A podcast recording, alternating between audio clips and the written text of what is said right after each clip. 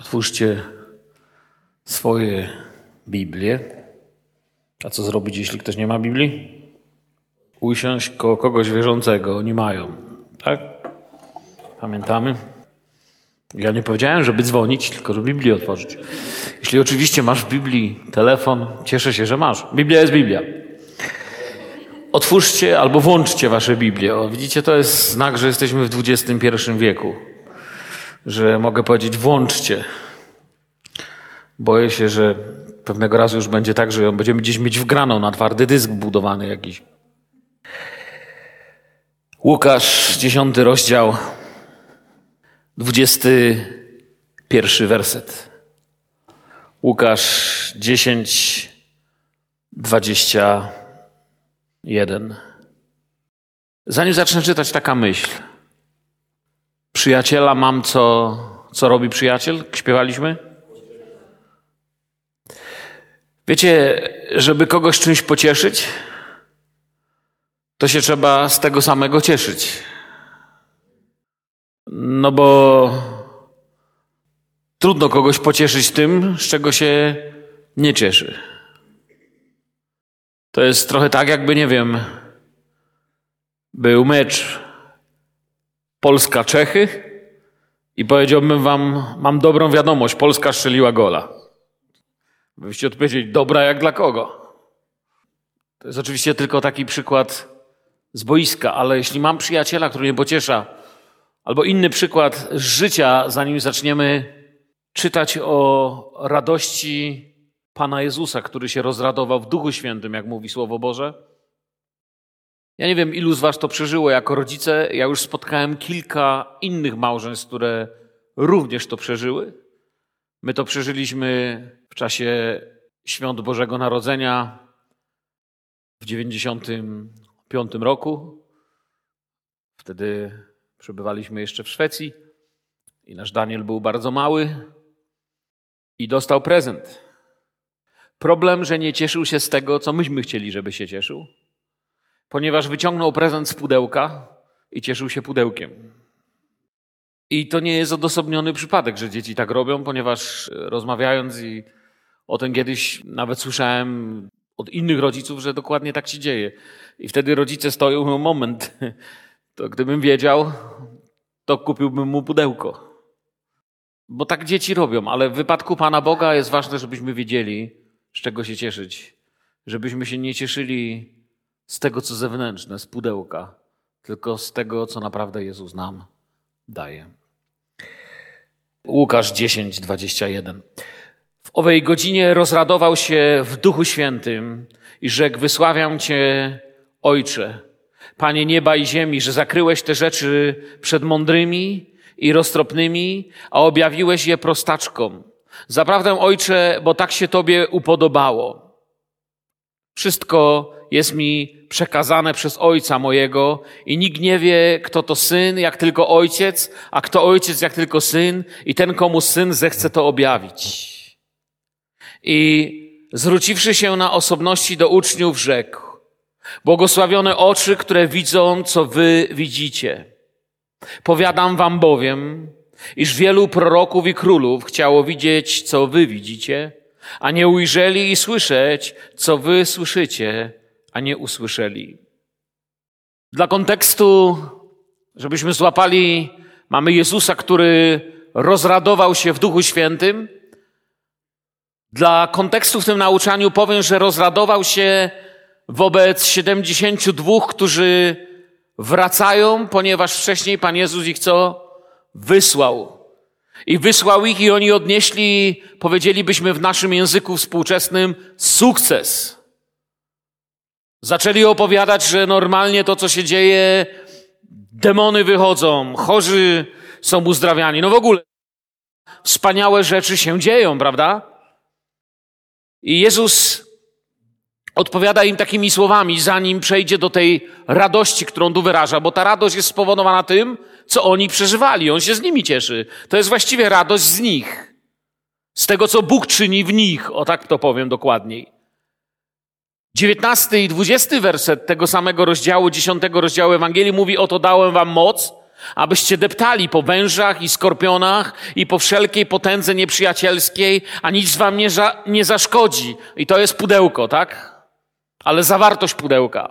Z tego się cieszcie. Wszakże nie z tego się radujcie, iż duchy są wam podległe.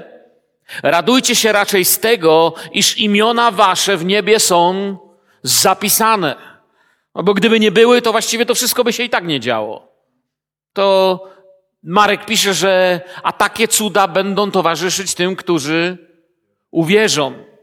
Nieraz mówię, my żyjemy dzisiaj w czasach, kiedy ci, co uwierzą, towarzyszą cudom i latają za cudami. A on mówi, że te cuda będą towarzyszyć tym, co uwierzą. Bóg chce nam dziś powiedzieć, czy Duch Święty nas pouczyć, że największą radością są, mówi do nas, wasze imiona wpisane Bożą ręką. To, co was cieszy, to, co zobaczyliście, to, co oglądacie w swoim życiu, mógłbym się teraz spytać, ilu z was zostało uzdrowionych przez Pana i wielu z was by podniosło ręce. Albo ilu z was wymodliło coś, co wydawało się nie do wymodlenia albo nie do załatwienia, również wielu by podniosło ręce. I dokładnie to jest to, co tu chcemy powiedzieć, to, co nas cieszy, to, co ich cieszy. Jezus do nich mówi, to, co was cieszy, to jest działanie Boga, ale ono jest wynikiem tego, że Bóg was zna po imieniu, kocha was i przyjął was do siebie. Jesteście Jego. I dlatego wszystko się dzieje.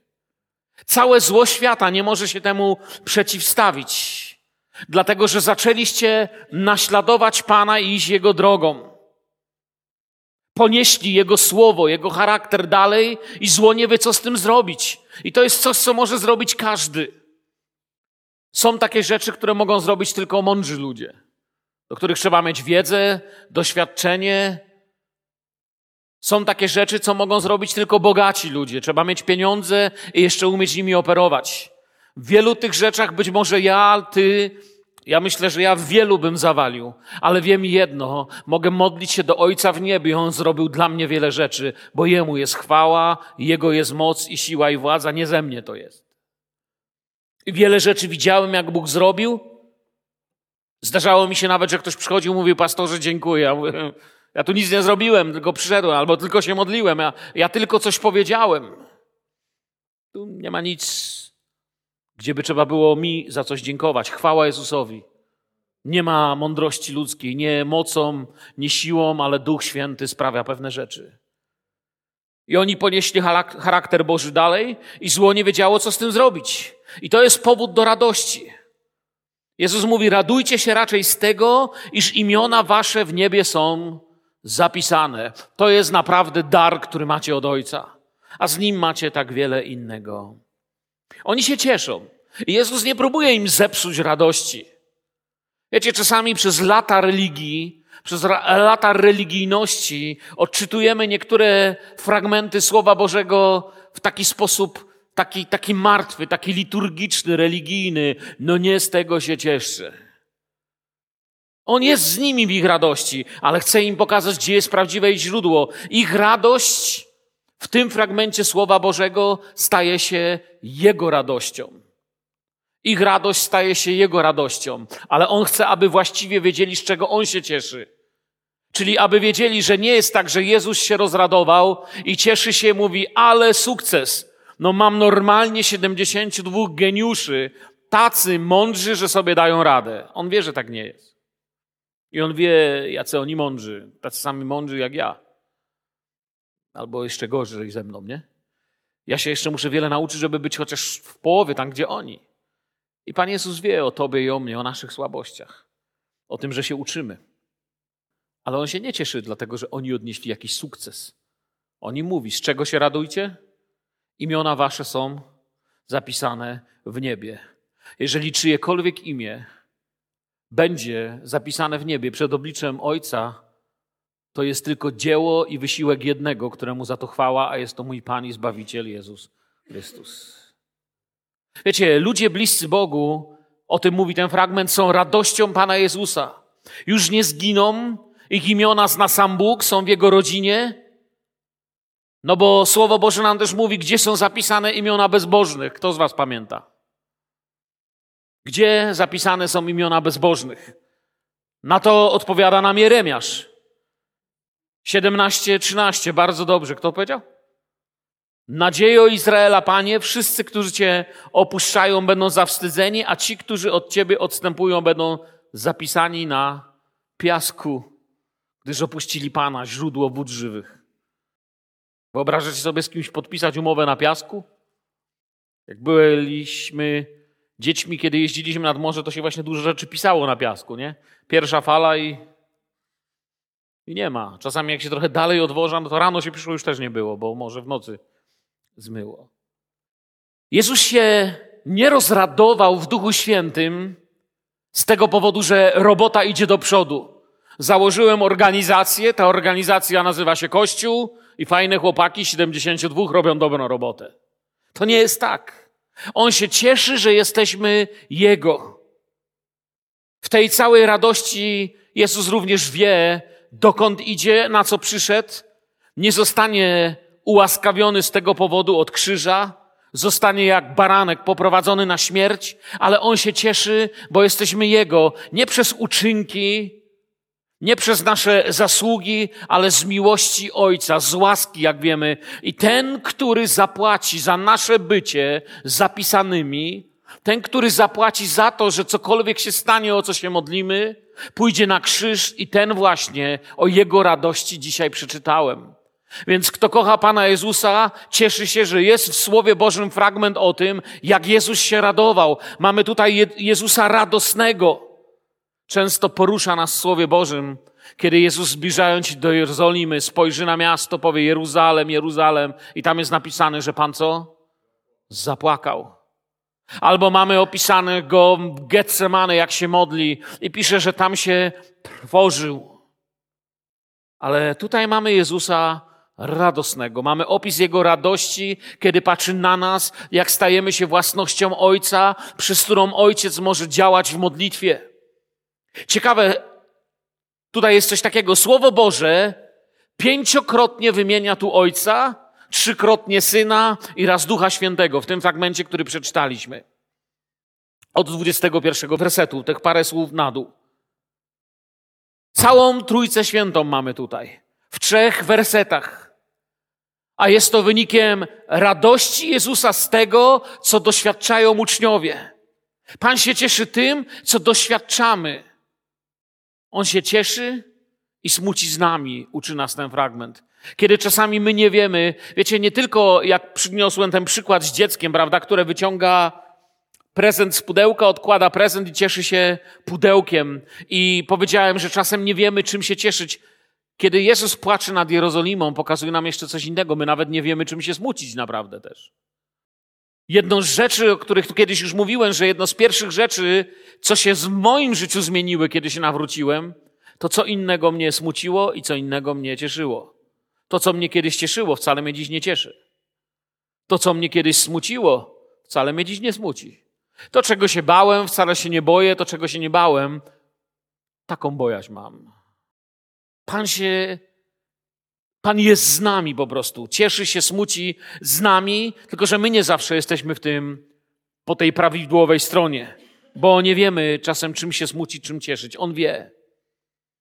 Popatrzmy na ten werset jeszcze raz. W owej godzinie 21 rozradował się w Duchu Świętym i rzekł. Patrzcie, czytając, zwracajcie uwagę, co Jezus robi. Wysławiam Cię, Ojcze, Panie nieba i ziemi, że zakryłeś te rzeczy przed mądrymi i roztropnymi, a objawiłeś je prostaczką. Zaprawdę, Ojcze, bo tak się Tobie upodobało. Do tego wszystko zmierza, do radości Ojca i Syna w Duchu Świętym.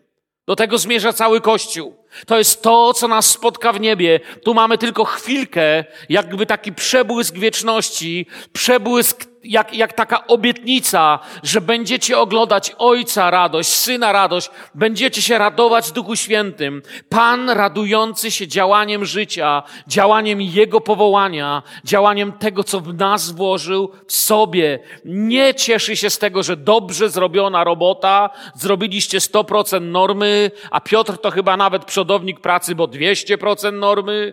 Nie. Bóg, wiecie, nie potrzebował w ogóle nikogo, żeby zrobić jakąś robotę. Pracę mógł zrobić sam. ale radość dzieli z nami. Jesteście moi, a kiedy jesteście moi, ja się raduję. Druga rzecz w tej chwale, uwielbieniu Pana Jezusa. Czy widzimy, gdzie raduje się Jezus? Kiedy czytałem sobie dokładnie ten fragment, natychmiast przypomniało mi się spotkanie Jezusa z Samarytanką, które Jezus tłumaczył, gdzie odbywają się prawdziwe nabożeństwa. Pamiętacie? No bo ona mówi tu i była pewna, że on się zacznie z nią sprzeczać, że nie tu, a tam. A on nie mówi ani tam, ani tu. Czy widzimy, gdzie raduje się Jezus? Samarytankę mamy w czwartym rozdziale Jana. Jezus mówi do niej, lecz nadchodzi godzina i teraz jest, kiedy prawdziwi czciciele będą oddawali Ojcu cześć w duchu i w prawdzie, bo Ojciec takich szuka, którzy by Mu tak cześć oddawali. Bóg jest duchem, a ci, którzy Mu cześć oddają, winni Mu ją oddawać w duchu i prawdzie. To jest to winni, to co powinniśmy zrobić. To jest to, co się powinno dziać. On raduje się w Duchu Świętym. Podobnie taka sama radość w Duchu Świętym, za niedługo wszyscy o niej będą mówić i wielu nie będzie na nią zwracać uwagi. Jest taka osoba w Biblii, która tak się rozradowała, ponieważ miało przeżycie, przeżycie było takie chrztu w Duchu Świętym. Ktoś już pamięta, o kim mówię? A Maria wybrała się w onych dniach w drogę i udała się śpiesznie do górskiej krainy, do miasta judzkiego i weszła do domu Zachariasza i pozdrowiła Elżbietę. A gdy Elżbieta usłyszała pozdrowienie Marii, poruszyło się dziesiątko, dzieciątko w jej łonie i Elżbieta napełniona została Duchem Świętym. I zawołała donośnym głosem i rzekła, błogosławionaś Ty między niewiastami i błogosławiony owoc żywota Twego, a skądże mi to, że matka mojego Pana przyszła do mnie, bo oto, gdy dotarł do uszu moich głos pozdrowienia Twego, i tutaj mamy tą Bożą radość, poruszyło się z radości dzieciątko w łonie moim. Widzicie, co czyni Pan, kiedy wstępuje? Czyli jeśli brak nam Bożej radości, to znaczy, że najbardziej właściwą modlitwą jest modlitwa wypełnij mnie, Panie, Duchem Świętym. I ja nie jestem teoretykiem tutaj, powiem tak. Wiele razy w tym miejscu w życiu byłem. Podejrzewam, że niektórzy z Was są, byli albo będą w tym miejscu, gdzie dochodzimy do takiego miejsca, kiedy mówimy, Panie, nic, co mówią ludzie, już mnie nie cieszy. Potrzebuję Twojej radości, Twojej rzeczywistości ponieważ nie ma takiej ludzkiej obietnicy, która może sprawić mi radość. Napełnienie Duchem Świętym wiąże się z radością. Nie da być się napełnionym Duchem Świętym i nie uradować się z takiego spotkania z Bogiem. To jest trochę, wiecie, tak nie chcę tworzyć jakiejś zasady, bo Duch Święty działa jak chce i czasami, kiedy Duch Święty na kogoś stąpi i ktoś doświadcza chrztu w Duchu Świętym, to widziałem już ludzi, którzy płaczą jak nie wiem, ale to nie jest płacz rozpaczy wtedy. To też jest właściwie płacz radości. Ale kiedy na przykład pokutujemy, nie da się inaczej nawracać i pokutować niż we łzach i smutku. Potem poznajesz powagę. Kiedy nasze dzieci przychodzą nas przepraszać, kiedy są małe, to znacie ten moment, kiedy wasze dziecko podchodzi i małymi rączkami chwyta ze szyję i mówi: Przepraszam, mama. Jak już tam wybuczy w pokoju pół godziny, Widać łzy w oczach. Ale kiedy je zaczynasz przyciskać i mówisz, kochany, to ono płacze i powoli zaczyna się co? Śmiać. Obraca się łzy w radość. Zmieniłeś skargę moją w taniec i rozwiązałeś wór pokutny, abym sławił, chwalił Cię z radością. Powie psalmista później, tak? Radość Jezusa wyraża się tym, zobaczcie, jak Jezus wyraża radość, że oddaje chwałę Ojcu. To jest to, czego my się uczymy. Chwała Tobie, Panie, za to, co się dzieje. On ma tą relację z Ojcem i w niej jest ta radość. I również w niej będzie smutek, kiedy trzeba będzie. Ale tu mówimy o radości. W niej jest ta radość. Jest podobna psalmom. I gdybyście popatrzyli na to, jak Pan Jezus się tu modli, jak raduje, jak uwielbia i chwali Ojca w niebie, jak ta, ta, ta Jego radość, jaka jest, to moglibyście porównać ją do psalmistów. Ale tu jest jedna różnica – której nie znajdziecie u żadnego psalmisty, a tutaj jest. Psalmiści owszem radują się, śpiewają radosne aleluja, chwalą i oddają cześć Panu, oddają cześć Bogu, oddają cześć Wszechmogącemu, ale żaden z nich i żaden współczesny Jezusowi Żyd nie odważyłby się zawołać Ojcze. To było ta, ta różnica. Żaden z nich wcześniej nie ośmielał się tak modlić. Jezus powiedział, a wy tak się módlcie. Jezus powiedział, tak się powinniście modlić. Ojcze! Ponieważ to pokazuje na waszą prawdziwą relację, pokazuje na pewną ciągłość. Ojcze pokazuje, że to nie jest rodzaj takiego, wiecie, jak trwoga to do Boga czasami się ludziom mówi. Czasami ludzie mają Boga wtedy, kiedy Bóg jest potrzebny, ale Ojca się ma zawsze. W chwilach dobrych, złych jest Ojciec. I co jest ciekawe, Jezus, jeszcze raz mówię, modlił się tak zawsze.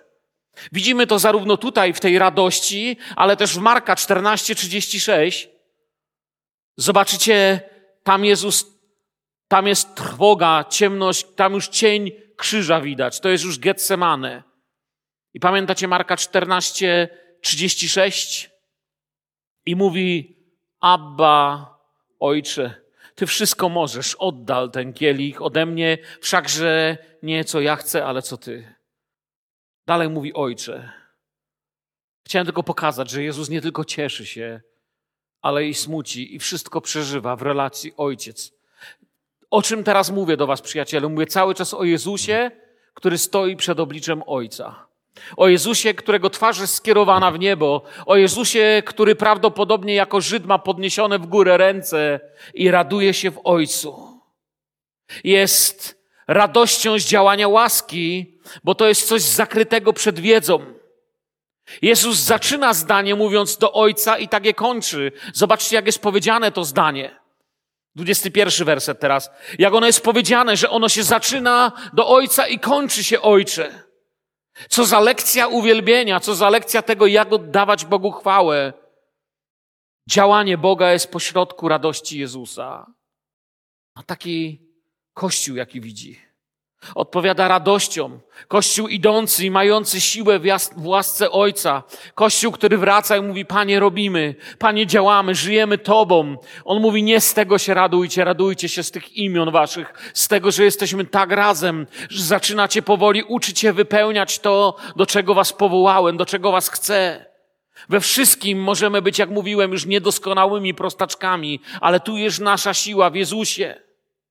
Używa tego samego słowa pater, czy hebrajskie znacie lepiej Abba, czy tłumaczenie Abba na polski tatusiu. Bez zobaczenia Ojca w Bogu nie możemy w pełni zobaczyć wielkości tego, czym jest Ewangelia. Cała Ewangelia właśnie na tym polega, że się w Bogu zobaczy Ojca, że się w Bogu zobaczy przyjaciela, że się w Bogu zobaczy tego, który cię zapisał i tego się nie da zabrać, że się zobaczy w po prostu w Bogu tego, który cię przyjął do siebie.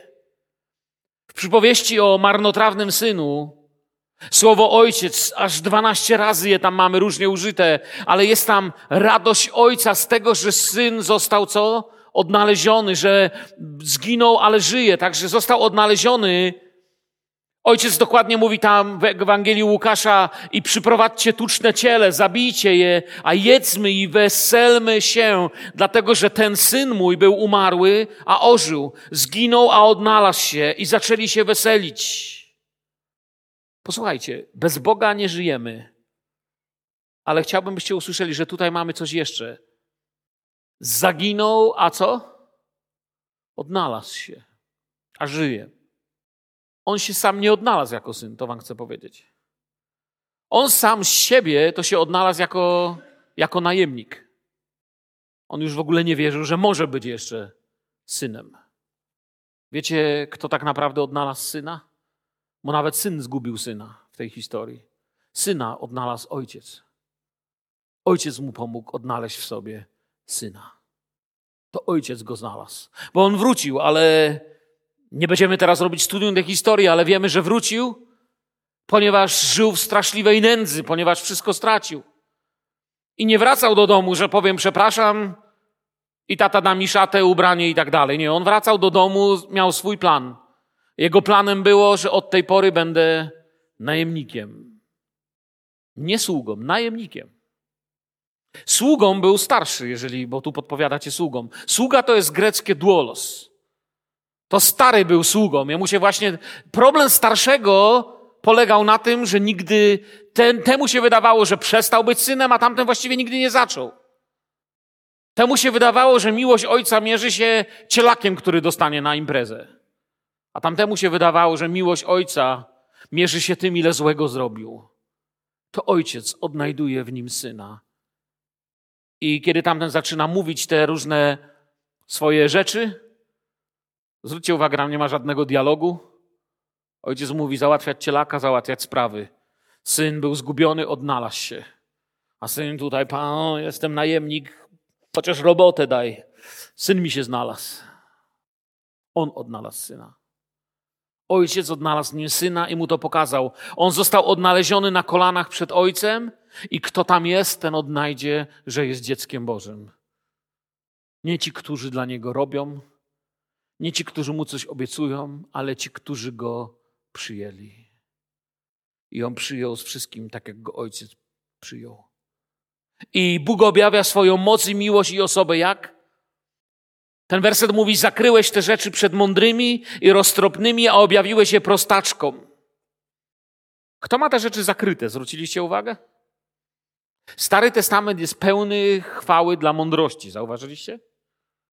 Można by było całą naszą godzinę, którą mamy na czytanie Słowa Bożego, albo już nawet mniej, poświęcić tylko na czytanie wersetów o mądrości ze Starego Testamentu. Bardzo pozytywnych wersetów. Tutaj pisze, że sprawy te są zakryte, Jezus mówi, dla mądrych. 21 werset cały czas jesteśmy, tak? Mądrych, czyli sofas. Z tego znamy takie słowo. Umiłowanie to jest filo, tak? Filo, Sofia. Umiłowanie mądrości. Stary Testament, jak mówię, chwali mądrość, lecz widzicie, w czasach Jezusa coś się stało z tą mądrością Starego Testamentu. W czasach Pana Jezusa religijni ludzie, mądrość, którą, bo oni nie nazwali tego Starym Testamentem, chciałbym, abyście wiedzieli. Dla nich to była prawo, pisma i prorocy. Ta mądrość uległa zepsuciu. Stała się ludzka. W czasach Jezusa mądrości zaczęto uczyć w szkole. Zapomniano, że mądrość jest darem, że mądrości się nauczyć w szkole nie da. Że mądrość jest jak przyprawa do wiedzy, sprawiająca, że wszystko ma sens. Faryzeusze po sobie pomylili mądrość z wiedzą i uznali sami siebie za mądrych. Wiedza to jest wiedza, ale mądrość to jest zupełnie coś innego. A więc zakryte jest to przed mądrymi, Jezus mówi. Zakryte jest również przed roztropnymi, jest sunetarz, czyli inteligentni, posiadający zrozumienie. Bo to nie jest rodzaj relacji, jakiej poszukuje ojciec. Ojciec nie poszukuje kogoś, kto powie, a ja już wszystko wiem. Teraz już wiem, którędy, już nic nie musisz mówić, wiem, którędy iść. Taka roztropność. Wiem, jak tym zarządzać, wiem, co robić. Ale to, co Bóg ma, widzi kto? U nas mamy prostaczkowie, przynajmniej w tym tłumaczeniu Biblii Warszawskiej, które ja, przepis, które ja przeczytałem, ale nie ma takiego słowa prostaczkowy tam użyte. W ogóle go tam nie ma. Tam jest użyte słowo nepias, które wiecie co znaczy? Dzidziusia. Niemowlątko, dzieciątko, dzieci, maluchy. I coś przed nimi zostaje od, odsłonięte. To powód do radości jest odsłonięty, imię zapisane w niebie, radość z Jezusem. Pomimo wszystkich przeciwności, mam tatę w niebie, to mogę zobaczyć, to nic, co wiem. To nic, że coś tam w życiu się nauczyłem i w czymś tam jestem roztropny i w czymś tam jestem, mam wiedzę, ale jest coś od Pana, to jest ten dar ojcostwa. Tu jest moje imię, należę do tamtej rzeczywistości. Kiedyś w Polsce, dzisiaj już nie ma tego powiedzenia, ale jak ja chodziłem do szkoły, było takie powiedzenie. Nie wiem, czy ono funkcjonowało w Czechach, ale czasami szliśmy z kolegą do sklepu i jakiś kolega kupił sobie ciastko i, i, i orężadę. I pamiętacie, co w Polsce było, jak drugi nie miał? To mówił do niego, co? Podziel się, nie? Daj ugryźć ciastko, albo daj się napić orężady. I wiecie, co często odpowiadał ten, który nie chciał? Mówi, a co ja cię mam w dowodzie? Nie wiem, czy rozumiecie, czy to też tak tu było, że miało się kiedyś w obszance, w tym dowodzie osobistym zapisane dzieci. Teraz już nie ma tego, nie? Więc dzisiejsze pokolenie nie wie, jak cię mam w dowodzie. No. Ale tak się mówiło, nie? A Bóg mówi właśnie dokładnie to. Słuchajcie, chodźcie, bo ja mas, ma, mam was w dowodzie. Jak chcecie wiedzieć, kim jestem i zaczniecie przeglądać mój dowód osobisty, to w dziale dzieci, bo tak kiedyś była, to kiedyś była książeczka, znajdziecie swoje imię. Dlatego właśnie to jest powód do radości. Inna rzecz, jak to imię się nas znalazło, to już jest nauczanie o zbawieniu, tak? To jest to, co On dla nas zrobił. On nas powołał do nowego życia, dzięki Niemu żyjemy.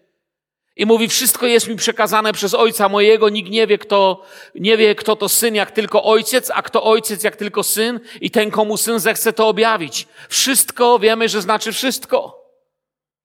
Najprostsze poznanie, jakiekolwiek, jest niemożliwe bez Jezusa. W nim jest pełnia bóstwa. Ktokolwiek go widział, Jezus mówi, widział kogo? Ojca. Ktokolwiek go zaczyna poznawać, zaczyna poznawać Ojca. Ktokolwiek się do, od Jezusa oddala, oddala się od Ojca.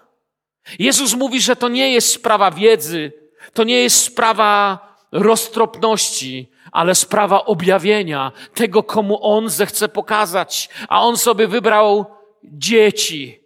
I wiadomo, że nie chodzi mu o to, że nie chodzi mu o dzieci takie w beciku malutkie. On chce, byśmy się z tego coś nauczyli. Ojciec dał nam wszystko, co najcenniejsze, w nim mamy wszystko od Boga. On w nas czyni wszystko, co może podobać się Bogu. Jeśli zrobię cokolwiek w życiu, co w życiu moim spodoba się Bogu, to zrobię to tylko i wyłącznie w Jezusie Chrystusie. Amen. Tylko tak możemy zrobić coś, co podoba się, się, się Bogu. Próba otrzymania czegokolwiek od Ojca bez Jezusa jest złodziejstwem. Otrzymać cokolwiek bez Jezusa to jest tak, jakbym próbował dzwonić, nie wiem, kijem, który znalazłem w lesie do Ameryki. Możesz do tego kija mówić ile chcesz, wątpię, żeby się odezwali po drugiej stronie w Ameryce. Nie, to jest bardziej możliwe niż załatwić coś bez Jezusa u Ojca. Cokolwiek chcemy wiedzieć o Ojcu, musimy być blisko Jezusa. Jego przyjaciele, ci, którzy do Niego przyszli, stają się Jego rodziną, Jego braćmi, Jego bliskimi. Zaczynają widzieć Ojca i On mówi, Wasze imię jest zapisane. Przez Niego mamy dostęp, On jest jedyną drogą do Ojca, jaką mamy. Jezus raduje się z tego, że znaleźliśmy się w Ojcu, że Jego uczniowie są w Ojcu, że się dzieją rzeczy dla tych, którzy trwają w Bogu, są w Ojcu, w Nim wpisani. Jezus raduje się, ale chce, by człowiek zobaczył powód do radości. Dlatego robi ciekawą rzecz Raduje się, uwielbia Pana i wpatrzcie się w tekst Słowa Bożego. Coś tam zobaczycie, on jest, to coś jest ukryte pomiędzy 22 a 23 wersetem. Nie ma tego napisane, ale jest tam schowane. Pomiędzy 20 a 22. 22, przepraszam, a 23. Wiecie, co tam jest ukryte? Jezus odwraca się. W 22 jeszcze stoi tak. Albo bym bardziej powiedział tak, że w 22 stoi tak, a w 23 robi tak. I się zwraca do kogo? Do uczniów. Po pierwsze dwa wersety widzieliśmy tą relację tu. On się raduje w Ojcu. Chociaż oni są tego świadkami. Ale w 23 zwraca się do nich. I zwróciwszy się na osobności do uczniów, rzekł błogosławione oczy, które widzą, co wy widzicie. I oni się na pewno zastanawiają, którą część tego, co widzimy. To, co teraz widzieliśmy, jak się modlisz do Ojca? Nie, nie chodzi o to, co widzieliście, jak się modlę Ojca, ale treść tego, o co się modliłem. To, że oglądacie, jak pojawia się to, na co czekano przez stulecia, aż pojawi się Mesjasz, przez którego pojawią się ci, którzy będą doświadczać wybawieńczej, ratującej i zbawiennej mocy Bożej. To jest to. Błogosławione oczy, które widzą, co wy widzicie. Jeszcze chwilę temu radował się twarzą zwróconą do Ojca, ku niebu. Teraz patrzy na uczniów, na nich, na ciebie, na mnie. I tu mamy dosłownie napisane, odwrócił siebie. Tu jest to słowo odwrócił siebie. I zwróciwszy się jest tutaj po polsku. Dosłownie tu jest napisane i odwróciwszy się. Zwróciwszy się, to wiecie, co to za słowo? Tu w Grece jest coś takiego, jakbyś coś kręciło. Jak widzieliście coś obrotowego, na przykład krzesło na, dla, dla, dla pianisty. O. To, to, to jest to, co Jezus tu zrobił. Odwrócił siebie. Tu jest objawienie Jezusa jako arcykapłana. Pamiętacie znaczenie słowa kapłan? Most. Mamy go jako objawienie arcymostu. Kapłan to jest ten, po którym można przejść. Pośrednik pomiędzy Bogiem a nami, nami i Bogiem jest Jezus. Przed chwilą się radował i mówił Ojcu i cieszył się z tego, co oni doświadczają, a teraz do nich mówi, żeby się też cieszyli. Czy oczy mogą być szczęśliwe? No bo Pan mówi, że szczęśliwe oczy. W starszych tłumaczeniach jest błogosławione oczy.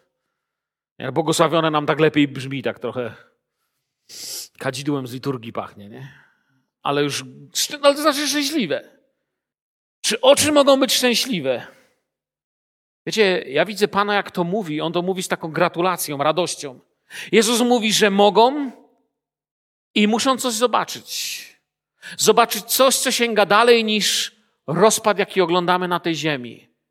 Wiecie, wraz z wiekiem nasze oczy na pewno nie są szczęśliwe przez to, jak patrzą na stare zdjęcia, zgadza się? Raczej nieszczęśliwe. Może jeszcze gdzieś tam na początku 21, 22, 23 w tych najlepszych latach życia. O taka Ala na przykład, no ona popatrzy na zdjęcie, była 15-latka i powie, e, taka byłam brzydka, teraz to jestem ładna. Ale jak ja popatrzę na zdjęcia 20 lat temu, proszę bez komentarza. Nie? Gdzieś coś zniknęło. A więc z tego raczej oczy nie są szczęśliwe z tego, co oglądamy. Coś innego. Oczy zawsze poszukują tego, co nas ciekawi. Czego pragniemy, co nas pociąga. Tam patrzą oczy. Kiedy jeden raz coś zobaczysz, nie chcesz na co patrzeć, odwracasz się, bo to jest pokuszenie. Ale kiedy drugi raz na to popatrzysz, to już jest twój wybór, nie? I oczy często tak patrzą. I szczęśliwe oczy, które mają to w Królestwie Bożym, że ciekawi ich, co tam widać w Królestwie Bożym, co widać w Słowie Bożym, co widać w Bożych obietnicach dla mnie. Na przykład są ludzie, którzy oczy używają do pornografii na przykład. Oni to tak w sobie mają zbudowane. Kiedy z nimi rozmawiasz duszpastersko, to niektórzy z tych ludzi powiedzą, wiesz co, jak, jak nie mam wokół pornografii, to ja oczami potrafię rozebrać bliźniego. Ja sobie potrafię wyobrażać, co inni robią. Oni po prostu mają oczy cokolwiek, nie? Oni potrzebują tych, tych, tego świata, reklamy, tego wszystkiego, co ich otacza, bo ich oczy tego poszukują. Jezus mówi o szczęśliwych oczach, błogosławionych oczach, oglądaniem Królestwa Bożego. Bo tamte oczy nie oglądają Jezusa, tamte oczy są nastawione na co innego. Psalmista to powie, jakże cenna jest Twoja łaska, Boże, przeto ludzie chronią się w cieniu skrzydeł Twoich, nasycają się tłustością domu Twego, a strumieniem rozkoszy swoich upajasz ich, bo u Ciebie jest źródło życia. W światłości Twojej oglądamy światłość. W światłości Twojej oglądamy światłość. Przez Jezusa Ojciec widzi nas wszystkich. To musimy zrozumieć, że Jezus jest tym, który nas reprezentuje przed obliczem Bożej świętości. Przez Jezusa, znaczy w drugą stronę, my wszyscy możemy oglądać Ojca. Przez Jezusa została dana nam światłość, zostało dane nam oświecenie. Ale ten, który jest święty, również widzi nas przez Jezusa. Jezus jest pomiędzy oczami Boga a naszymi. Nie możemy oglądać Ojca, jeśli nie widzimy Jezusa. I ojciec nie patrzy na nic, co jest poza synem. Czasami ludzie mówią, że ich życie jest przeklęte. Przeklęte jest tylko to, co jest poza Jezusem. Jeśli coś jest w Jezusie, nie może być przeklęte, ponieważ oko Ojca na tym spoczywa. Przez Jezusa Ojciec widzi nas. Przez Jezusa wszyscy oglądamy Ojca. Poza Jezusem nie ma żadnej relacji między Ojcem i ludźmi. I tu mamy to słowo, że wziął ich na osobność. Jest takie słowo idias. Nie oznacza to, że to była taka osobność, wiecie, w sensie, że słuchajcie, jesteście moją ulubioną grupką, tylko wy na osobności, teraz mnie posłuchajcie. Tu chodzi o inny rodzaj osobności. To raczej idzie w kierunku na osobności, to jest prywatnego, intymnego przeżycia. Do tego, kto ma to takie jeden na jeden ten osobistą relację z Bogiem. To jest taki rodzaj osobności, w osobistym spotkaniu. To nie jest masowe poinformowanie, że masowo Jezus powiedział do tysięcy. Wziął ich na osobności. Ponieważ Kościół to mogą być tysiące. Ale relacja z Panem to jest osobność, to jest indywidualność. Błogosławieństwem nie było samo patrzenie, ale oczy. Oczy, które widzą to, co wy widzicie. To nie było samo to, że patrzyli, ale na co patrzyli? Nie kiedy, ale co? Działanie Królestwa Bożego przez Jezusa. Pamiętacie treść kolendy, którą ludzie bezmyślnie powtarzają co roku i znowu będą ją śpiewać, i niektórzy nie zwracają w ogóle uwagi na to, że właśnie o tym mówi tutaj Pan Jezus. Na Ciebie, króle, prorocy, czekali, a Tyś tej nocy nam się objawił. Pamiętacie to? Ja to od dziecka pamiętam.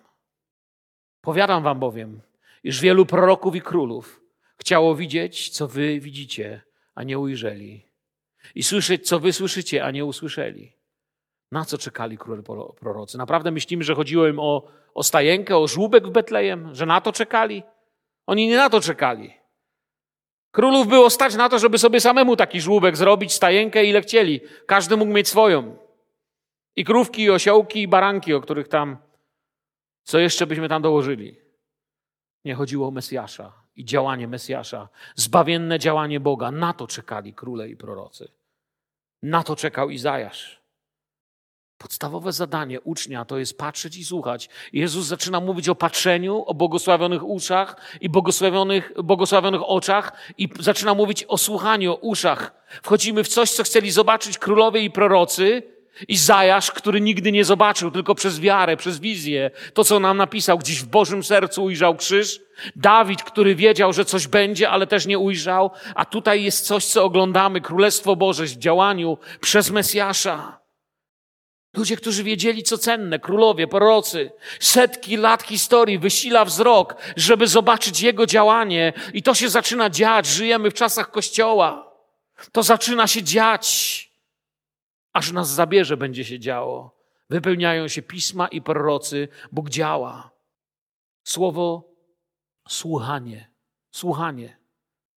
Słowo stało się ciałem. Słowo to znaczy co?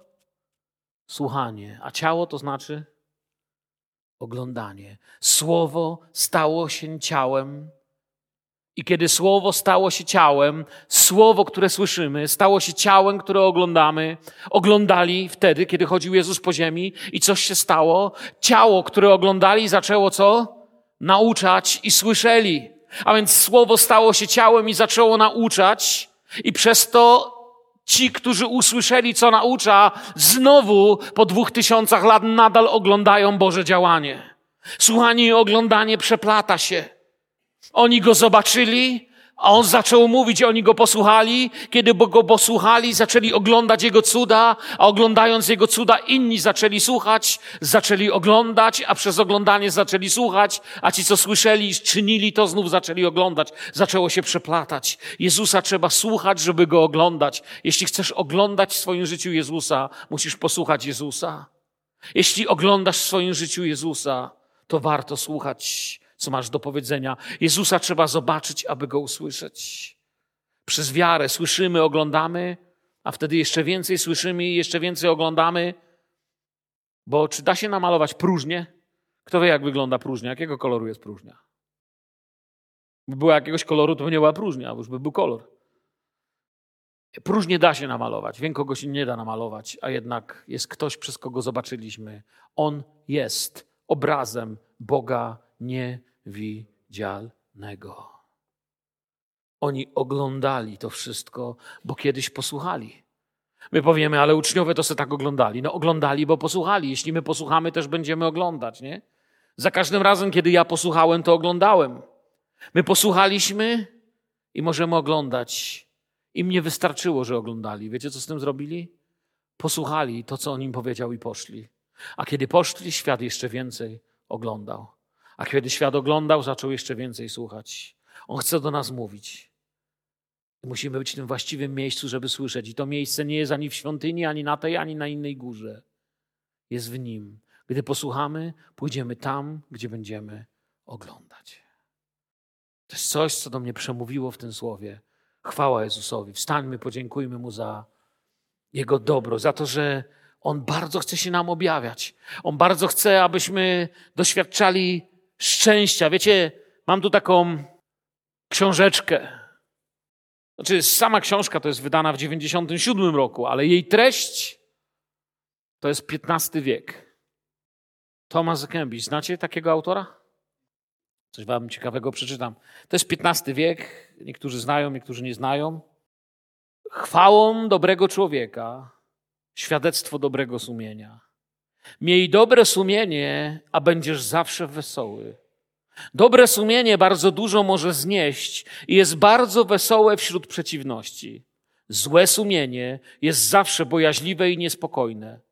Słodko odpoczniesz, jeśli twoje serce nie będzie cię ganić. Ciesz się tylko wtedy, gdy zrobisz coś dobrego. Ludzie źli nigdy nie mają prawdziwej wesołości. Nie czują też wewnętrznego pokoju, bo nie posiadają pokoju niegodziwi, mówi Pan. Zadbaj o to, pisze, abyś wiedział, że masz czyste serce. Wtedy mowa o radości, o której mówi Jezus, z oglądania Królestwa, działania Królestwa Bożego będzie Twoją radością. Chwała Jezusowi. Panie, dziękujemy Tobie, że Ty pragniesz naszej prawdziwej radości i objawienia się w pełni wszystkiego, co dla nas masz. Dziękuję, Panie, że mi dziś pokazałeś, że gdy Ciebie słyszę, jeśli posłucham, to mogę oglądać. A gdy będę oglądać, będę mógł jeszcze więcej usłyszeć, jeszcze więcej się nauczyć. Dziękuję Ci za mądrość z góry, za to, że Królestwo Boże dzisiaj działa. Za to, że żyję w czasach, kiedy nadal chorzy mogą być uzdrawiani. I błogosławimy jeszcze raz tą siostrę, która prosiła o modlitwę. Że żyjemy w czasach, kiedy możemy, Panie, doświadczać Twoich cudów. Proszę Cię, pouczaj mnie, Panie, i ucz abym mógł z pokornym sercem przed Tobą chodzić i jeszcze więcej oglądać Ciebie. Panie, chcę rezygnować z tych moich mądrostek różnych. Chcę rezygnować, Panie, z tego, co sam mogę wydedukować, ale proszę Ciebie, abyś objawiał mi Twoje imię. O to Cię wszyscy prosimy, abyś objawiał nam siebie, abyś przyszedł, przebywał pośród nas i objawiał swoje święte imię. O to Cię prosimy w świętym imieniu Jezusa. Amen.